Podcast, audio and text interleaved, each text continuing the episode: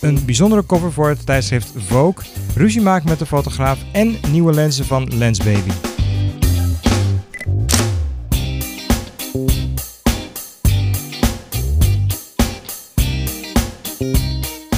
Het is dinsdag 7 augustus 2018. Het is 30 graden in de studio en je luistert naar aflevering 8 van Fotostories, de eerste Nederlandse podcast over fotografie. En ik krijg steeds meer positieve reacties op de podcast en mensen die me berichtjes sturen. Blijf dat vooral ook doen, ook als je geen vraag hebt en gewoon iets wil zeggen dat je de podcast leuk vindt. Uh, als je tips voor me hebt, als je podcast minder leuk vindt, um, laat het me gewoon weten. Ga naar Twitter of naar Instagram en stuur me daar een berichtje. Nog liever ontvang ik een rating. In Apple Podcasts of in Google Podcasts en in iTunes kan je de podcast een rating geven. En hoe meer ratings, des te beter, want dan wordt de podcast beter gevonden en kunnen meer mensen gaan luisteren. Ja, vandaag in de podcast nieuws over het septembernummer van Vogue en een fotograaf die werd gedwongen zijn net geschoten foto's te verwijderen. Ja, voor het eerst in de 126-jarige geschiedenis van het Amerikaanse tijdschrift Vogue is de coverfoto geschoten door een zwarte fotograaf.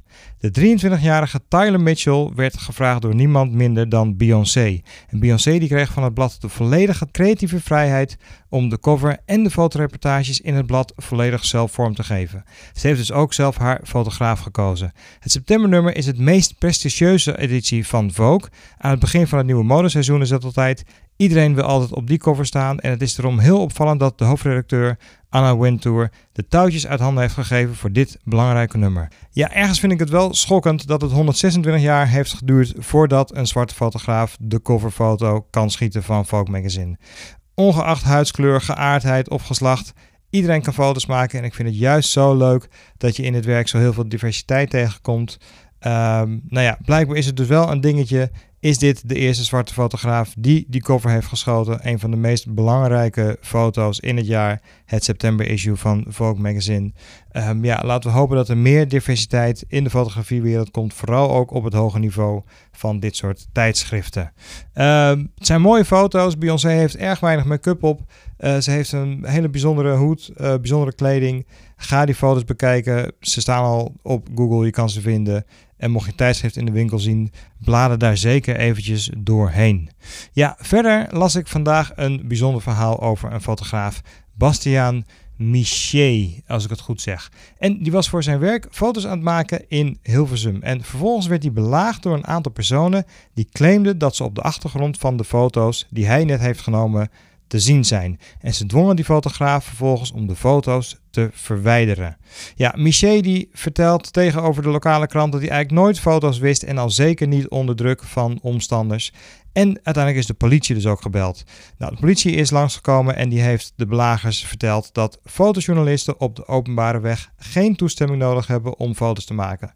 Zelfs niet met de strengere privacyregels die er nu gelden, die sinds kort van kracht zijn geworden is het nog steeds vrij om op straat op de openbare weg foto's te maken.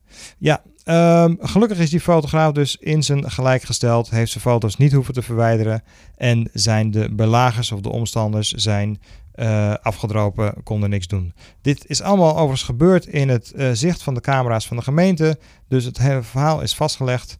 Ja, fotograaf staat in zijn recht. Het is ook heel belangrijk en goed om te weten als fotograaf Zeker als je buiten foto's maakt, als je aan straatfotografie doet, wat zijn je rechten? Wat mag je en wat mag je niet?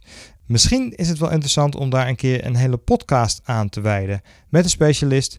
Uh, ja, mocht je iemand kennen, mocht er iemand luisteren die hier heel veel vanaf weet van de juridische kant van fotografie, wat mag je nou wel en niet? Waar mag je wel en niet fotograferen? Mag iemand van jou eisen dat je een foto verwijdert?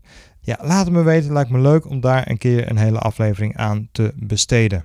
Ja, en tot slot Lensbaby. Dat is een fabrikant van speciale lenzen voor creatieve toepassingen. Die heeft vandaag de Sol 45 en de Sol 22 geïntroduceerd. Dat zijn nieuwe lenzen en die bieden een selectieve scherpte in het midden van het beeld. En dat wordt dan omringd door een onscherp gebied aan de randen.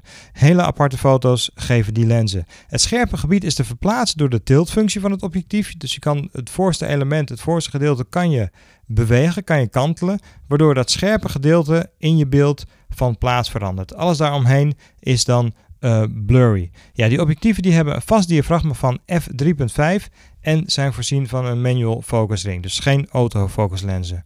Beide objectieven zijn volledig van metaal gemaakt en ze hebben dan ook nog voor het voorste element speciale bokeh blades. En die kan je voor de lens schuiven voor nog meer creatieve bokeh effecten. Ja, die lens geeft dus een heel apart effect. Het heel klein deeltje van het beeld is scherp en daaromheen is het heel wazig, heel blurry. Um, ik denk dat je heel erg moet leren werken met die foto's, maar de voorbeelden die ik heb gezien op de website van Lensbaby zien er veelbelovend uit. Het is niet voor iedereen, het is zeker ook niet voor alle foto's, maar de lenzen die komen over enkele maanden beschikbaar, of zelfs al in augustus, en zijn voor ongeveer 200 euro te koop. Ja, en voor die prijs is het zeker de moeite waard om daar eens mee te gaan experimenteren met deze hele bijzondere lenzen. De Sol 45 die komt iets eerder op de markt. Die wordt geschikt voor Nikon, Canon, Sony, Fuji en Pentax.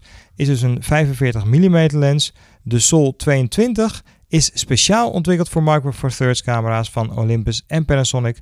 Is dus een 22 mm lens. Met de kropfactor is dat dan 44 en die is iets later te koop, maar vermoedelijk ergens eind augustus, begin september. Bekijk uh, die foto's en de lenzen op de website van Lensbaby. Ze zijn ook in Nederland leverbaar tegen die tijd zeker de moeite waard als je eens een keertje iets anders wil dan een normale foto met je standaard lens. Ja, dat was het nieuws voor deze week vanuit een warme podcaststudio in Hilversum. Volgende week hopelijk weer een nieuwe podcast met iets minder warmte. Graag tot de volgende keer. Bedankt voor het luisteren. Heb jij een vraag die jij in de volgende podcast beantwoord wil hebben? Stuur dan een e-mail of een audiobericht naar podcast@dekoning.nl. En volg Gijs de Koning op Instagram en Twitter.